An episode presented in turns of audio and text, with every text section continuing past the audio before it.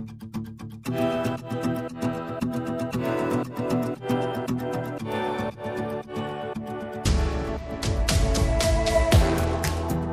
Dzień dobry Państwu, z tej strony Jakub Bodziony, a to jest Bodziony w piątek, czyli nasz cotygodniowy program o sprawach międzynarodowych. Możecie nas oglądać na YouTubie, a także słuchać na Waszej ulubionej platformie podcastowej.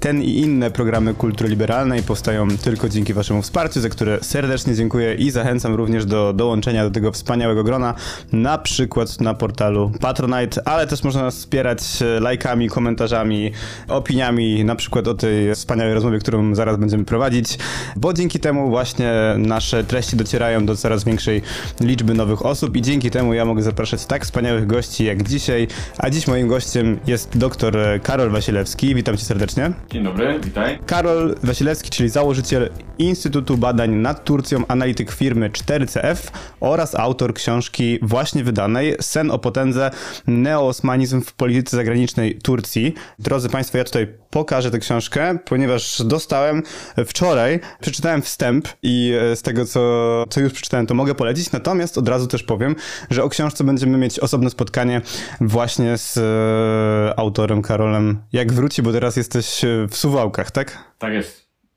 Najwspanialszym miejscu na świecie. No, byłbym w stanie się zgodzić, może zaraz po, po Śląsku. Ale dziś nie o Śląsku, ani nie o Suwałkach, a o Turcji, ponieważ 14 maja pierwsza tura wyborów prezydenckich w Turcji. Kiedy ja czytałem o tym i przygotowywałem się do naszej rozmowy, to trudno mi było nadążyć za tymi wszystkimi zwrotami akcji. To znaczy, na początku było pewne niemal, że Erdoğan wygra, ma te wybory w kieszeni, wszystko pójdzie gładko, tak zresztą jak idzie e, od wielu, wielu lat. Potem e, pojawił się e, kontrkandydat Kemal Darolu, jeśli dobrze wymówiłem, mam nadzieję. A teraz słyszę nawet informacje o tym, że Erdogan może przegrać w pierwszej turze. Jak ty, jako osoba, która śledzi to przez lata na bieżąco, reagujesz na tego typu prognozy?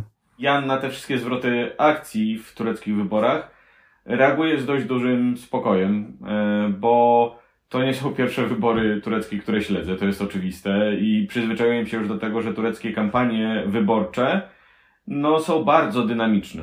Mam wrażenie dużo bardziej dynamiczne niż inne wybory, które zdarzyło mi się śledzić, czy śledzić, czy to wybory w Polsce, czy to wybory na przykład w Stanach Zjednoczonych.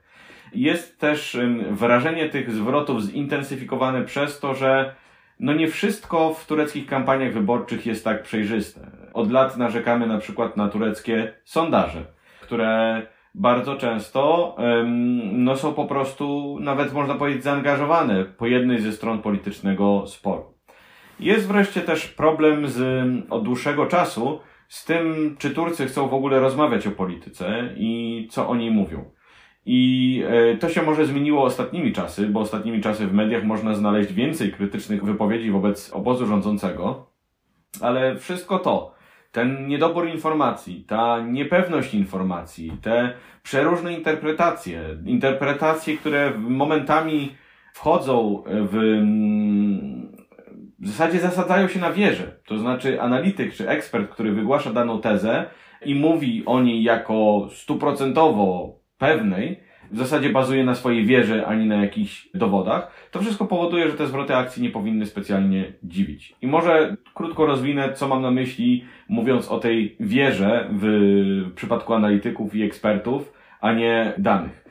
Trwają szczególnie intensywnie w ciągu ostatniego tygodnia debaty na temat tego, czy Tayyip Erdoğan odda władzę, czy tej władzy nie odda i będzie walczył, nie wiem, jak choćby Donald Trump. To znaczy, że, że nawet jeśli przegra, to jest taka opcja, że tej władzy nie odda, tak? Takie są debaty, tak? Trwają debaty, czy tureckie wybory mogą być sfałszowane, czy nie mogą być sfałszowane. Czy może tam dojść do jakichś nieprawidłowości, które wpłyną na wynik wyborczy, czy nie wpłyną jak zachowa się Tayyip Erdoğan, jak zachowa się opozycja i opinie, które są wyrażane w tych dysputach, a są to oczywiście opinie od sasa do lasa. Tayyip Erdoğan odda władzę. Tayyip Erdoğan nie odda władzy. Tayyip Erdoğan sfałszuje wybory. Tayyip Erdoğan nie sfałszuje wyborów. W Turcji nie można sfałszować wyborów, w Turcji można sfałszować wybory. One wszystkie są oparte, no właśnie, na wierze. Analityk, który mówi, że 100% jakaś opcja się sprawdzi, mówi po prostu o tym, którą z tych opcji wybrał. A co gorsza, do wszystkich z tych tez dałoby się znaleźć jakieś argumenty. No przykład tego, czy Tayyip Erdoğan odda władzę, nawet jeśli przegra wybory. Mamy wybory z 2019 roku w Stambule, które to zostały powtórzone, gdy w tych wyborach przegrał kandydat Partii Sprawiedliwości i Rozwoju. Mówię oczywiście o wyborach na burmistrza Stambułu. Tayyip Erdoğan odda władzę cień? Bardzo proszę. Tayyip Erdoğan jest politykiem, który pewnie rozumie, że opozycja wcale nie postawi go przed Trybunałem e, Stanu, bo to będzie niemożliwe ze względów formalnych, jak i ze względów tego, że nie będzie chciała wywoływać kolejnych sporów i tak spolaryzowanej Turcji, czyli masz kolejny argument na tezę, że Tayyip Erdoğan odda władzę. Czy wybory będą uczciwe? No, wybory zawsze były w Turcji uczciwe i jest bardzo trudno sfałszować co do zasady wybory. Trudno jest je też sfałszować, bo Tayyip Erdoğan nie ma grona zwolenników na poziomie 80%, tak? Są, jest opozycja, która jest świadoma stawki i jest świadoma tego, że trzeba się mobilizować przede wszystkim, zwłaszcza w noc wyborczą. Proszę, argument na tezę, że z wyborami będzie wszystko w porządku. Argument na tezę przeciwną, że mamy się o co niepokoić, to są dwa ostatnie przypadki głosowań. 2017 rok, referendum konstytucyjne, kiedy to Najwyższa Rada Wyborcza już po zamknięciu lokali wyborczych zdecydowała, że głosy, które nie zostały przez nią uprzednio ostemplowane, będą jednak ważne, chociaż powinny zostać uznane za nieważne. I głosy te podobno, zdaniem opozycji, przewyższały liczbę głosów, czy różnicę między głosami na tak i na nie w referendum. Wybory z 2018 roku i zaskakujące wyniki, zwłaszcza na południowym wschodzie kraju, e, choćby nacjonalistycznego koalicjanta Partii Sprawiedliwości i Rozwoju, który był mocno niedoszacowany w sondażach. Wyniki, które, na które część badaczy zwraca uwagę, tych, którzy zajmują się statystykami wyborczymi Turcji, mówi, że to już jest trudno wytłumaczyć takie wahnięcia. Tu zwracam uwagę, oni nie mówią, że te wybory z całą pewnością były sfałszowane, ale że te wyniki są na tyle dziwne i jest tyle pytań, że nie mogą już swoim autorytetem zaświadczyć, że na pewno były to wybory uczciwe. No i to jest właśnie ten problem z tureckimi wyborami. To jest ten problem chaosu, jaki w zasadzie dotyczy każdej interpretacji związanej z tureckimi wyborami. No i dlatego ja w zasadzie, chociaż tutaj pewnie brzmię jak nieco podekscytowany, delikatnie rzecz ujmując, staram się zachowywać wobec tego spokój. Dobrze, to zaraz jeszcze ten chaos będziemy próbować jakoś uporządkować. Natomiast e, jak rozumiem, bo u nas Konstanty Gebert e, pisał w swoim e, felietonie z tego tygodnia właśnie o tureckich wyborach i tam była taka anegdota, taka śmieszno straszna. Jak rozumiem, ona dotyczyła tych poprzednich wyborów. I tutaj cytuję. Możliwe są też cuda nad urną. Nowa ordynacja dopuszcza też nieostemplowane karty wyborcze, a podczas poprzednich wyborów w trzech prowincjach akurat podczas liczenia głosów wysiadł prąd. Minister energetyki tłumaczył potem, że jakiś kot wszedł do elektrowni i spowodował zwarcie. Po tureckim internecie krąży teraz mem z wkurzonym kotem, który mówi ja wracam. Koniec cytatu. To rozumiem, że były te poprzednie wybory, tak? Problemy z prądem zdarzają się dość regularnie w trakcie wyborów, aż no widać zaśmiałem się, ale zdarzają się rzeczywiście dość regularnie w trakcie tureckich wyborów. Największe problemy miały miejsce w jeśli dobrze pamiętam, w 2015 roku, chociaż, chociaż coś mi świta o 2014 roku i o wyborach y, lokalnych. Y, więc to się zdarza. Zdarzają się oczywiście problemy y, związane z tym, że no pojawiają się w tureckim internecie zdjęcia na przykład głosów, które opozycja twierdzi, że zostały gdzieś dowiezione. Jest oczywiście problem tego, to nie jest tak, że ordynacja wyborcza została zmieniona, y, bo ordynację wyborczą zmienia się w jakimś trybie, prawda? Tylko po prostu Najwyższa Rada Wyborcza podjęła decyzję administracyjną po zamknięciu lokali wyborczych. I to rzuca y, cień wątpliwości na to wszystko zawsze było to pytanie, pytanie kluczowe. Czy te nieprawidłowości, w których dochodzi we wszystkich pewnie wyborach mm, na całym świecie, bo nie ma możliwości, choćby ze względu na skomplikowanie tego systemu wyborczego, żeby gdzieś nie dochodziło do nieprawidłowości. Problem polega na tym, czy te nieprawidłowości wpływają na wynik wyborczy. No i ponieważ sprawa była na ostrzu noża w 2017 i 2018 roku, to właśnie dlatego to przykuło tak dużą uwagę. A czy teraz też sprawa może być na ostrzu noża? Tak, absolutnie. Zależy na jakie sondaże patrzymy. No właśnie, no, bo to co, to, co ty mówiłeś, to brzmiało trochę tak, że wiemy, że nic nie wiemy. To znaczy, że jest bardzo dużo zmiennych i zależy, kto je interpretuje, no to po prostu możemy uzyskać taki, a nie inny wynik. Ale to powiedz w takim razie, na chwilę obecną, na moment przed rozpoczęciem samego procesu głosowania, co wiemy? To znaczy, jakich mamy kandydatów konkretnie, bo przed chwilą jeden się wycofał, jakie są te sondaże według ciebie, chociaż też mówisz, że nie do końca możemy dawać, że nie do końca są one wiarygodne. Na czym stoimy w chwili obecnej? To tylko kończąc ten poprzedni wątek, dobra, jedno, jedno zdanie dodam, że, bo powiedziałem o tych wyborach w 2017-2018, gdy sprawa była na ostrzu noża, tutaj też będzie na ostrzu noża, w dodatku stawka jest olbrzymia bo Tayyip Erdoğan może stracić władzę. I w związku z tym może to się wiązać dla niego z licznymi konsekwencjami. No choćby w postaci tego realnego albo nierealnego, zależy jak to uważy, Trybunału Stanu za łamanie wielokrotne konstytucji, no i za liczne rzeczy, za które opozycja na pewno miałaby ochotę ukarać Tayyipa Erdoğan. I teraz, jeśli chodzi o sondaże, to można powiedzieć, że w Turcji funkcjonujemy falami. I do niedawna była fala i w sondażach, i w interpretacjach w zasadzie tych sondaży, Tayyip Erdoğan nadrabia. Fala, która nastąpiła po fali, ojej, Kemal Kılıçdaroğlu, czyli główny kandydat, kontrkandydat Tayyipa Erdoğana, jednak ma szansę w wyborach, bo raptem trzy miesiące temu, patrząc na sondaże, powiedzielibyśmy, nie ma absolutnie żadnych szans. Najnowsza fala, chwilę przed wyborami, jest taka, że Kemal Kılıçdaroğlu ma szansę wygrać i nawet w pierwszej turze. Może ważna uwaga dla y, naszych słuchaczy. Ja też na pewno jestem jakoś zbajasowany, bo y, no, zajmuję się trochę tą Turcją, y, zajmuję się trochę Tayyipem Erdoğanem. Wiele razy już miałem do czynienia z końcem Tayyipa Erdoğana i zawsze okazywało się, że ten Tayyip jest teflonowy, jak głosi sławny jego przydomek w tureckiej polityce. Więc ja za najbardziej prawdopodobną opcję, patrząc na sondaże, patrząc na swoje doświadczenie, uważam drugą turę wyborów prezydenckich. To znaczy, że będzie ten wynik. Z wynikiem? W sensie tam tego już się nie podejmujesz, żeby przewidzieć wynik drugiej tury. Absolutnie nie. Ale dodam, y, bo, bo, bo fajnie, że dopytałeś teraz, bo teraz y, dodam, gdzie widzę nową jakość, która rzuca na moje myślenie cień. I tę nową jakość widzę w, mam wrażenie, ale to znowu wrażenie. I tutaj jest kluczowe słowo, wrażenie. Nie opierające się w danych, tylko po prostu zasadzające się na długiej obserwacji tureckiej polityki i tym, co się dzieje, że jest poczucie końca Tayyipa Erdoana.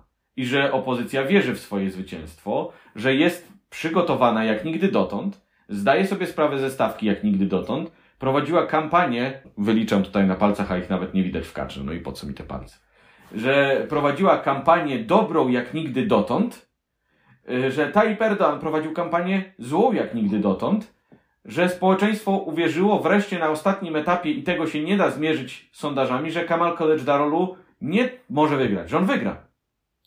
I to jest ta nowa jakość, która mi nakazuje nawet uwzględnienie tego scenariusza, że Kemal Kılıçdaroğlu wygra w pierwszej turze wyborów prezydenckich. Trudno jest mi w to uwierzyć, ale jak zobaczę zwycięstwo Kemala Kılıçdaroğlu w pierwszej turze, to no specjalnie się nie zdziwię.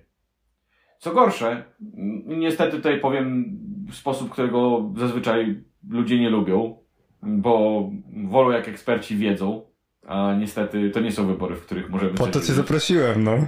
Nie zdziwię się również, jeśli się okaże, że Tayyip Erdoğan jest niedoszacowany w sondażach. Że na przykład w sobotę wycieknie coś dużego w teoretycznie ciszy wyborczej, coś, co spowoduje, że w ostatniej chwili wyborcy niezdecydowani na durną zdecydują, e, w, e, przychylują się w kierunku Tayyipa Erdoğan. I co to może być? Wczoraj Kemal Kılıçdaroğlu, czyli główny kontrkandydat Tayyipa Erdoğana, napisał bardzo dziwnego tweeta jak na siebie. Tego o rosyjskich prawda, zakusach na tureckie wybory. Do przyjaciół Rosjan, można byłoby powiedzieć, o tym, że wie, że oni stają, stoją za deepfake'ami, które pojawiły się w tureckiej infosferze i że jeśli chcą po 15 maja zachować dobre relacje z Turcją, no to lepiej się powstrzymali od takiej ingerencji w tureckie wybory. I teraz pojawiły się, oczywiście pojawiło się tysiąc interpretacji, jak to w tureckiej polityce, skąd to się mogło y, wziąć. Pojawiają się interpretacje, że Kemal Kılıçdaroğlu musi mieć jakieś dobre dane i tak dalej, ale wydaje mi się, że skoro Kemal Kılıçdaroğlu zareagował w tak ostry sposób, nie na przykład idąc do ambasadora rosyjskiego, co sugerowało część ekspertów tureckich, którzy zajmują się Rosją, bo wiadomo, że z ambasadorami rosyjskimi wszystko da się załatwić, się tam powie tym ambasadorom i Rosja już to robi i mówi przepraszam, nie? No ale to taki jest mniej więcej poziom tureckich ekspertów, którzy zajmują się Rosją. Ale yy, walnął tego grubego tweeta, bo po prostu moim zdaniem chciał wyciągnąć grubą armatę, bo obawiał się właśnie tego, że na końcu kampanii coś trafi w niego. Otóż zostały wyciągnięte deepfake'i y, z Muharemem Inje, z tym kandydatem, który się właśnie wczoraj, nie wiem kiedy rozmowa pójdzie, więc dodam w czwartek, wycofał. Dzisiaj o 18. Rozmawiamy, proszę Państwa, w piątek o 12. Premiera jest za 5,5 godziny. I zdradził teraz, że to nie jest na żywo, nie? I wszyscy teraz, e, to po co oglądać. Więc y, pojawiły się takie deepfake'i y, z seks skandalem z udziałem Muharema Inje. I pewnie Kemal College Darulu bał się, że Rosjanie również pomogą w ten sposób Tayyipowi Erdoganowi. Albo ktokolwiek inny, no ale zakładam, że jak tutaj przyatakował Rosjan, to dobrze wiedział, kto wspiera Tayyipa Erdogana. Oczywiście mogę się, mogę się mylić, bo może po prostu yy, wyciągnął tylko grubą armatę i może rację mają ci, którzy mówią, że zrobił to nierozsądnie i wyłącznie z obawy o to, że deepfake'i zaatakują zaraz go, bo atak przez seks skandale, prawdziwe czy domniemane i taśmy w tureckiej polityce, yy, seks skandale uderzające w Republikańską Partię Ludową, no to nie jest nic nowego. W ten sposób Kemal Kılıçdaroğlu też doszedł do władzy jako lider Republikańskiej Partii Ludowej, bo jego poprzednik został skompromitowany no, za pośrednictwem właśnie taśmy e, z seks skandalem. Powiedzmy w takim razie jeszcze trochę o samej kampanii i zarówno o jej przebiegu, jak i też o tych głównych postulatach dwóch głównych e, kandydatów. Bo patrząc na to, co w Turcji się dzieje, biorąc pod uwagę ogromną inflację, jak rozumiem, ta oficjalna jest na poziomie około 40%, nieoficjalna ma być dwa razy wyższa. Czy to jest tak, że jedynym tematem tej kampanii była, była gospodarka i to, ile kosztuje jedzenie i dlaczego tak dużo? Wiodącym. Z pewnością była numerem, absolutnie numerem jeden jest też głównym, są takie sondaże zawsze przed wyborami, co Turcy uważają za swój podstawowy problem. I gospodarka była tam numerem jeden. Więc y, wszystkie te tematy, które pojawiały się w kampanii, miały znaczenie wtórne. No oczywiście nie było tak, żeby, żeby one się nie pojawiały, bo pojawiały się tematy z polityki zagranicznej, pojawiały się tematy, można powiedzieć, z kwestii społecznych, z kwestii z pogranicza, jeszcze polityki zagranicznej bezpieczeństwa. No zresztą między innymi kampania Tayyipa Erdoana, kampania o stuleciu Turcji, o tym, że jest to dobry człowiek na dobre czasy. Odpowiedni człowiek na te czasy może w ten sposób powinien Tak, bo rozumiem, że teraz mamy stulecie Republiki Turcji, tak? 1923. Też, ale to jest ten, ten slogan na stulecie Turcji, to jest taki slogan dużo głębiej zakorzeniony w tureckiej polityce niż sama rocznica stulecia i obchody. To jest slogan, który pojawił się jeszcze w latach 80. Jeden z poprzedników Tayyipa Erdoana choćby mówił, że jeśli nic nie zepsujemy, to XXI wiek będzie stuleciem Turcji i Turków. Natomiast y, to po prostu rezonuje dość głęboko w y, tureckiej wyobraźni politycznej, no bo jest takim argumentem, że hej, nadszedł nasz czas, Turcja będzie wreszcie mocarstwem globalnym, odzyska swoją dawną potęgę znaną z wiadomo kiedy. Tayyip Erdoğan robił też te kampanie na takich y, projektach, powiedziałbym, celowanych, czyli promocji tureckiego sektora zbrojeniowego. I to była, to był jeden z, powiedziałbym, może nawet fundament kampanii Tayyipa Erdoana. A więc projekty typu pokażemy turecki myśliwiec, pokażemy turecki czołg, zwodujemy ten tak zwany mały lotniskowiec, Turcy tak to nazywają, e, z którego mają startować tureckie drony. Otworzymy po raz pierwszy i pewnie nie po raz ostatni elektrownię atomową w Akkuju. I to były tego typu hasła. Jeśli chodzi o lidera opozycji, no oczywiście, przepraszam, bo zapomniałem, jeśli chodzi o Tayyip Erdoana, o polityce polaryzacji. Czyli to, że tam są zdrajcy po drugiej stronie, że oni oddadzą Turcję i jej suwerenność w ręce Zachodu znowu, że oni sprzyjają dewiantom, więc była, był cały oczywiście komponent uderzania w społeczność LGBT. Znamy to skądś swoją drogą. I w zamian za to Kemal Kılıçdaroğlu zaproponował politykę, tak zwaną politykę miłości. Politykę, która e, w 2019 roku przyniosła sukces już opozycji, a która jest taką, no jest takim, powiedziałbym chyba standardowym już w politologii sposobem rozgrywania czy walki z reżimami, populistycznymi reżimami, które mają ten taki rys autorytarny. Czyli to nie jest wchodzenie w tę polaryzację, którą narzucił Absolutnie Erdogan, nie. tylko próba rozbrojenia tego podziału? To jest próba rozbrojenia podziału przez y, używanie języka włączającego, przez budowanie wspólnoty i to wszystko, wszystko Kemal Kılıçdaroğlu proponował, budowę nowej wspólnoty tureckiej. To jest y, język, który ma, jest adresowany do wyborców drugiej strony i ma im przekazywać, że nie będzie żadnego rewanżyzmu i rozliczeń, że rozliczenia będą obejmowały polityków, ale nie was, drodzy obywatele, którzy na nich głosujecie, bo wyście zostali zwiedzeni przez tych złych polityków. I to jest wreszcie język, który nie odpowiada aż tak bardzo na zaczepki Tajpa Erdoana, czyli na przykład jak burmistrz Stambułu Ekrem Imamoglu został, można powiedzieć, ukamienowany w Erzurum, to znaczy jego wiec został obrzucony kamieniami, no to Kemal College Darulu zamiast eskalować sytuację, to stara się łagodzić i mówić odpowiemy im nad urnami wyborczymi.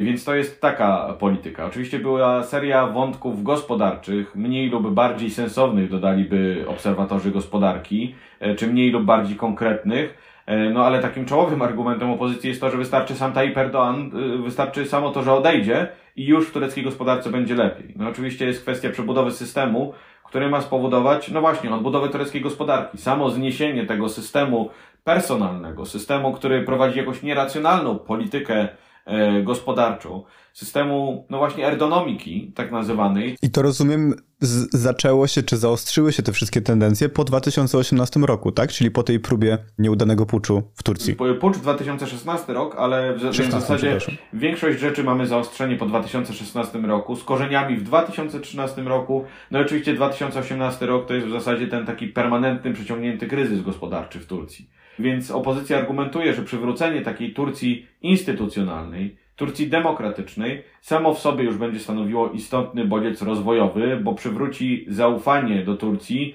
inwestorom zagranicznym i nie będzie już tego takiego, jak to opozycja e, nazywa, mglistego przyjmowania pieniędzy z zatoki. Nie wiadomo w jaki sposób, nie wiadomo jak. E, będą znaczy z Zatoki Perskiej. Yy, tak, albo arabskiej, jak to woli. Yy, bądźmy tutaj inkluzywni. Więc to jest kolejny argument. Jeśli chodzi o politykę zagraniczną bezpieczeństwa, no to te podstawowe argumenty opozycji były też takie, żeby przywrócić Turcji wiarygodność e, jako po prostu państwu przewidywalnemu.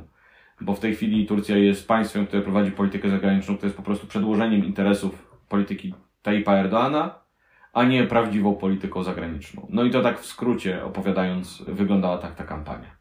No tak, bo jeszcze biorąc pod uwagę to, co ty mówiłeś o gospodarce i o tych zagranicznych inwestycjach, z którymi teraz jest bardzo duży problem, bo kojarzymy Turcję obecnie z bardzo głębokim i z bardzo poważnym kryzysem gospodarczym, ale jednocześnie popularność Erdogana, ta poprzednia, tak, kiedy on wygrywał wybory za wyborami z bardzo dużym poparciem, wzięła się właśnie dzięki temu, że on był autorem cudu gospodarczego Turcji, tak, i właśnie te inwestycje były bardzo wysokie i gospodarka się bardzo rozwijała. I nagle ten główny jego motor zaczął się psuć, szczególnie po tym 2016 i dalej 2018 roku. I to jest coś, czego ja nie rozumiem, to znaczy mam, mam takie napięcie i chciałbym, żebyś ty, ty mi jakoś się wytłumaczył czy rozwiązał, bo z jednej strony ciężko mi jest zrozumieć, dlaczego ludzie na Erdogana głosują, biorąc pod uwagę tak poważny kryzys gospodarczy, którego on ewidentnie nie potrafi rozwiązać. To, że ceny podstawowych produktów i gospodarka ogólnie jest po prostu, ceny produktów rosną, a gospodarka jest w bardzo złym stanie, co jest absolutnie kluczowe dla, dla większości ludzi, to nie jestem w stanie zrozumieć, dlaczego on wciąż ma spore szanse na zwycięstwo. A z drugiej strony, kiedy czytam o tym, że Erdogan kontroluje około 80% tureckich tureckich mediów, kontroluje dużą część e, wymiaru sprawiedliwości. No, ta partia i państwo się zrosły niemal, prawda, w jeden twór no to wydaje mi się, że on tych wyborów w takim razie nie może przegrać, tak? No bo, bo kiedy kontroluje przekaz, który idzie w ogromnej większości mediów, przekaz wyborczy, no to niezależnie od tego, co by się działo, tak? Na przykład kwestia tego przerażającego trzęsienia ziemi sprzed kilku miesięcy, w którym zginęło ponad 50 tysięcy osób, no też jest absolutną porażką państwa i Erdogana, tak? Sposób, w jaki budowano te domy, sposób, w jaki udzielano, a raczej nie udzielano tej pomocy. Nie rozumiem tego, to znaczy, dlaczego z jednej strony on może przegrać, a, a z drugiej strony, dlaczego jest duża szansa na to, że wygra. W pracy z ludźmi najtrudniejsza jest praca z ludźmi. I tak jest mniej więcej w polityce. To jest praca z ludźmi i nie, nie wiadomo za bardzo, dlaczego ludzie się w ten sposób zachowują, nie?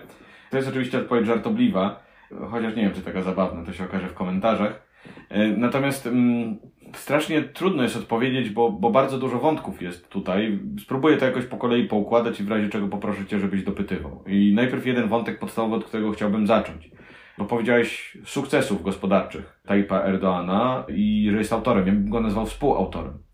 Te sukcesy gospodarcze były, gdy gospodarką zajmowali się kompetentni ludzie. Gdy Tayyip Erdoğan słuchał tych kompetentnych ludzi, którzy na przykład mówili, że może nie jest aż tak dobrze e, z jednej strony naparzać w zachód, a z drugiej strony oczekiwać, że pieniądze będą napływały. Nie jest może tak dobrze naparzać w rządy prawa, kiedy wiemy, że jednocześnie te rządy prawa to nie jest jakiś tam ideał, wyłącznie, do których dążymy, ale jest to coś, co organizuje życie, czy wpływa na życie gospodarcze w państwie. Na przykład zapewniając odpowiednią reakcję inwestorów. Problem polega na tym, że z czasem no, wyrugował tych ludzi, a szefem gospodarki zrobił swojego zięcia Berata Albayraka, no, którego znajomości gospodarki krążą legendy e, wśród inwestorów, które bardzo często przeciekały na, na e, Twittera i, i to było i smutne, e, smutne, bo człowiek rozumie konsekwencje dla społeczeństwa tureckiego, ale i zabawne, bo człowiek absolutnie siedzący to nie mógł wierzyć, że tak się może zachowywać minister w jakimkolwiek rządzie, że, że, że mieć taki, znaczy myśleć, że gospodarką da się zarządzać przez narrację, narrację kierowaną nie do elektoratu, o tym za chwilę, ale do specjalistów. No, specjaliści mają to do siebie, że jednak potrafią przejrzeć poza tę narrację nie to, co wierny elektorat. I teraz zadajesz właśnie pytanie, dlaczego na Tayyip Erdogana tylu ludzi wciąż chce głosować? Dlaczego on wciąż pozostaje popularny? No przecież ciągle mówimy o tym, że on może wygrać te wybory. I zostańmy przy tym wątku wiernego elektoratu. Partia Sprawiedliwości i Rozwoju ma elektorat, który pójdzie za Tayyipem Erdoganem w ogień. I tyle. Koniec. Tu można zakończyć tę dyskusję. Do nich nie trafimy. Ale bo co? Bo, bo on broni wartości, jest przeciwko LGBT, tym cholernym Amerykanom, którzy chcą się nam wszystko tutaj wepchać. Tak? To, to jest jakby takie ideologiczno-wartościowe. Tak, bo utożsamiają się z nim z różnych względów. Kolejna sprawa jest taka, że są ludzie, tutaj y, zrobię polecajkę innego materiału, mam nadzieję, że się na mnie nie obrazicie, ale z raportu o stanie świata, ostatnia korespondencja Adriana Bonka z Turcji, tam jest rozmowa z y, człowiekiem, który mówi, że bezpieczeństwo jest ważne. No i to jest ten kolejny element ludzi, którzy głosują na Tayyip Erdogana, kolejny segment powinienem powiedzieć, bo element to brzmi jakby to, to była jakaś patolka, nie? Ale to wcale nie o to chodzi. Ale kolejny segment ludzi, dla których bezpieczeństwo jest ważne i mają wrażenie, że to Tayyip Erdogan jest w stanie im zapewnić to bezpieczeństwo w tych trudnych czasach, mimo trudnych warunków gospodarczych. Ludzie ci bardzo często kupują narrację Tayyipa Erdoana, że problemy gospodarcze Turcji są wyłącznie kwestią uwarunkowań zewnętrznych a nie niezdolności Tayyipa Erdoana. Czyli jest tak, że mamy właśnie tego dzielnego lidera, który nie dość, że nas broni, zapewnia nam to bezpieczeństwo, no ale te wrogie elementy zagraniczne tak nam przeszkadzają, że tak. przez, to jest, przez to jest ten kryzys de facto, a nie przez politykę AKP. One chcą nas, te, te elementy zagraniczne chcą nas upupić, chcą, żebyśmy my nie prowadzili niezależnej polityki zagranicznej, tylko byli podporządkowani i im zależy na powstrzymaniu wzrostu Turcji, bo wzrost Turcji nie jest w ich interesie. No i tutaj moglibyśmy sobie zrobić całą debatę, ile jest prawdy w tych argumentach, ile nieprawdy. Sukces tej retoryki, myślę, że to już nasi słuchacze wyczuwają i że ty to wyczuwasz. Sukces tej retoryki polega na tym, że ona jest taka, mm, no w sensie znajdą się argumenty na podparcie tej tezy. Że wzrost Turcji na przykład nie jest w interesie Zachodu, no bo przy tym zachowaniu, jakie Turcja uprawia i sposobach, jakim realizuje swoją politykę zagraniczną, no wiadomo, że nie jest na przykład to w interesie Stanów Zjednoczonych. Ale wracając, tutaj chciałem tylko powiedzieć, że to, że zawiera się ziarno prawdy w tej retoryce, jest ją łatwiej opakować i sprzedać i ludzie, ludzie są w stanie w nią, w nią wierzyć. Natomiast wracając do tych kolejnych wątków. Tayyip Erdoğan, i, i tutaj fajnie, że zwróciłeś uwagę na te jego sukcesy w swoim poprzednim pytaniu, Oczywiście my patrzymy na niego przez pryzmat tych ostatnich pięciu lat, czy tej sytuacji po zamachu stanu przede wszystkim, czy tej sytuacji po 2013 roku, o której no kiedyś będziemy pewnie pisać fenomenalne książki, ale podejrzewam, że będą one obejmowały tematykę y, narcyzmu, tematykę lidera, który był coraz bardziej osaczony, czuł się coraz bardziej osaczony, czuł się, y, czuł, że jego teorie o tym, że cały świat czyha na niego, y, są prawdziwe. To nie jest nic dziwnego, politologia zna takie przypadki już y, powiedziałbym, tradycyjnych, w cudzysłowie, schorzeń liderów politycznych. E, no one muszą być siłą rzeczy większe, jak ktoś utrzymuje się u władzy tyle lat i ma tyle zatargów. E, natomiast Tayyip Erdoğan jest też politykiem, który zmienił Turcję, który doprowadził do jej rozwoju gospodarczego, doprowadził do rozwoju szeregu innych obszarów, nie wiem, sektor zdrowia. Przede wszystkim upodmiotowił politycznie e, grupy społeczne i gospodarczo powinienem dodać, które no, nie czuły, że żyją w swoim kraju. Czuły się marginalizowane. I te grupy no, w sposób naturalny boją się utraty tego statusu. I stąd Kemal Kılıçdaroğlu między innymi i dokonał tej całej transformacji swojego ugrupowania w ugrupowanie czułe na argumenty konserwatywnych wyborców i właśnie mówi o tym, że nie będzie rewanżyzmu na poziomie społecznym. Żeby tych mniej proerdoanowskich, tych zastanawiających się, tych, którzy spoza narracji są w stanie dostrzec jednak tę rzeczywistość, że no coś tu się nie klei, nie? I no, no to, żeby ich przekonać do głosowania na opozycję. Ostatni element to jest to, co wspominałeś o tym partia i państwo i zbitek tych dwóch elementów. Partia Sprawiedliwości i Rozwoju ma 11 milionów członków. I jak spojrzymy na to, no to w zasadzie mamy, już nie musimy się zastanawiać, skąd Tayyip Erdoğan bierze swoją siłę polityczną. To oczywiście łączy się z tą utratą statusu i tak dalej, no ale tutaj jest to, że y, to poczucie, że po prostu za chwilę przestanie być to nasza Turcja, bo przyjdą inni, którzy nas zastąpią, y, a więc my, którzy wisimy na tej Erdoğanie, tak można powiedzieć, no musimy się tego trzymać. To są całe struktury państwa, no jednak trochę psującego się, bo momentami też państwa, no skoro mamy na poziomie najwyższym, od poziomu ministrów stawianie nie na profesjonalizm, tylko na inne y, walory, no to możemy rozumować, że oj, no nie chcę tutaj zbudować zbyt skomplikowanych teorii, ale że no szereg osób, które po prostu nie posiadają kompetencji wystarczających do sprawowania funkcji, stanowiska, które zajmują, a zawdzięczają to dzięki partii, no to po prostu pozostają wierne tej partii. No tak, no jeszcze tutaj nie wspomnieliśmy o tym, no ale jest kwestia po prostu gigantycznej korupcji. Absolutnie. Nepotyzmu i tak dalej. Która wiąże się z tym, co, co powiedziałeś. Natomiast zadałeś jeszcze pytanie, jak to możliwe, że przy tej całej kontroli Tayyip Erdoğan no nie ma kontroli nad całą Turcją. No i to jest moim zdaniem bardzo ważne pytanie. Ono pokazuje odporność, można powiedzieć, Turków, tę przez wielu wyśmiewanych siłę tureckiej demokracji, bo bardzo często, ja bardzo często dostaję, w ogóle uwielbiam te takie pouczanki twitterowe, ktoś mi pisze, no ale co pan gada, przecież w ogóle wiadomo, że w Turcji wybory wygrywa ten, kto, kto liczy głosy, nie?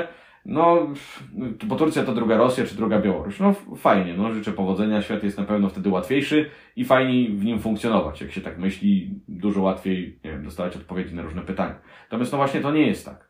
Jest spora grupa społeczeństwa, której nie udało się zideologizować, takiej, która jednak dostrzega rozklejanie się narracji rzeczywistości, Przecież to są całe te mm, grzesze Turków, tu wspomniałeś o tym trzęsieniu ziemi, którzy po trzęsieniu ziemi zadają pytanie, no zaraz, jakie państwo potężne, skoro nie potrafi zadbać o nasze bezpieczeństwo? Jakie państwo sensowne, skoro wydaje na jakieś zagraniczne przygody, zamiast inwestować w nasze bezpieczeństwo poprzez na przykład przygotowanie infrastruktury na trzęsienie ziemi, które, no niespodzianka, wiadomo, że w Turcji będą się zderzały ze względu na państwo, które leży w tak sejsmicznie aktywnym obszarze. Po co nam jakieś programy kosmiczne, z którą my nie potrafimy zadbać o dobrobyt obywateli? No i jest taka grupa społeczeństwa. No jest oczywiście grupa społeczeństwa, która no też i to jest to w ogóle, co, co daje największy może sens myślenia o tym, że wybory mają szansę być yy, uczciwe, to, że Turcy uważają ten element oddania, ten moment oddania głosu za w zasadzie jedyny element, kiedy mogą zaznaczyć swój wpływ na przyszłość państwa. Turcy nie mają tak silnego trzeciego sektora, a więc nie mogą sobie, tak to najczęściej tłumaczyli politolodzy czy socjolodzy, nie mogą sobie tutaj znaleźć ujścia dla swoich aspiracji obywatelskich w, przez realizację w takich projektach. No szczególnie po tym 2016 roku. Y, no to już trochę nawet wcześniej, tak? Y, natomiast no właśnie zostały wybory. Ten moment, kiedy mogą oddać głos i kiedy mają wrażenie, że ten głos się liczy i że oni mają rzeczywisty, rzeczywisty wpływ. Dlatego ta ułomna, można powiedzieć, demokracja, ale jest y, tak trwała. Dlatego jest demokracją, która no, raczej nie przypomina systemu rosyjskiego, czy tego, co mamy na Białorusi. I Tayyip Erdoğan też nie ma takiej władzy, jak ma Władimir Putin, czy jak to ma Baćka. Bardzo Ci dziękuję w takim razie. Wiem, że musimy już niestety kończyć, ale to na pewno nie jest ostatnia nasza rozmowa w najbliższym czasie, bo jeszcze jest rozmowa o snach, a dokładniej o śnie o potędze, czyli o nowej książce doktora Karola Wasilewskiego, którą serdecznie polecamy i właśnie będziemy jeszcze o niej dłużej rozmawiać. Karol, rozumiem, że tak, 14 maja pierwsza tura, jeśli będzie druga, to 28 maja, tak? Czyli za dwa tygodnie. Tak jest. No to obserwujemy, Państwo niech piszą, komentują, pytają. My to wszystko będziemy zbierać i też na pewno później do tematu jeszcze wracać. Na dziś bardzo Ci dziękuję. Dziękuję również. I dziękuję Państwu, że byliście dzisiaj z nami. Ten i inne programy kultury liberalnej ukazują się tylko dzięki Waszemu wsparciu, a ten odcinek wydawała Zofia Majchrzak, której również serdecznie dziękuję, a my widzimy się i słyszymy już za tydzień. Do zobaczenia i do usłyszenia.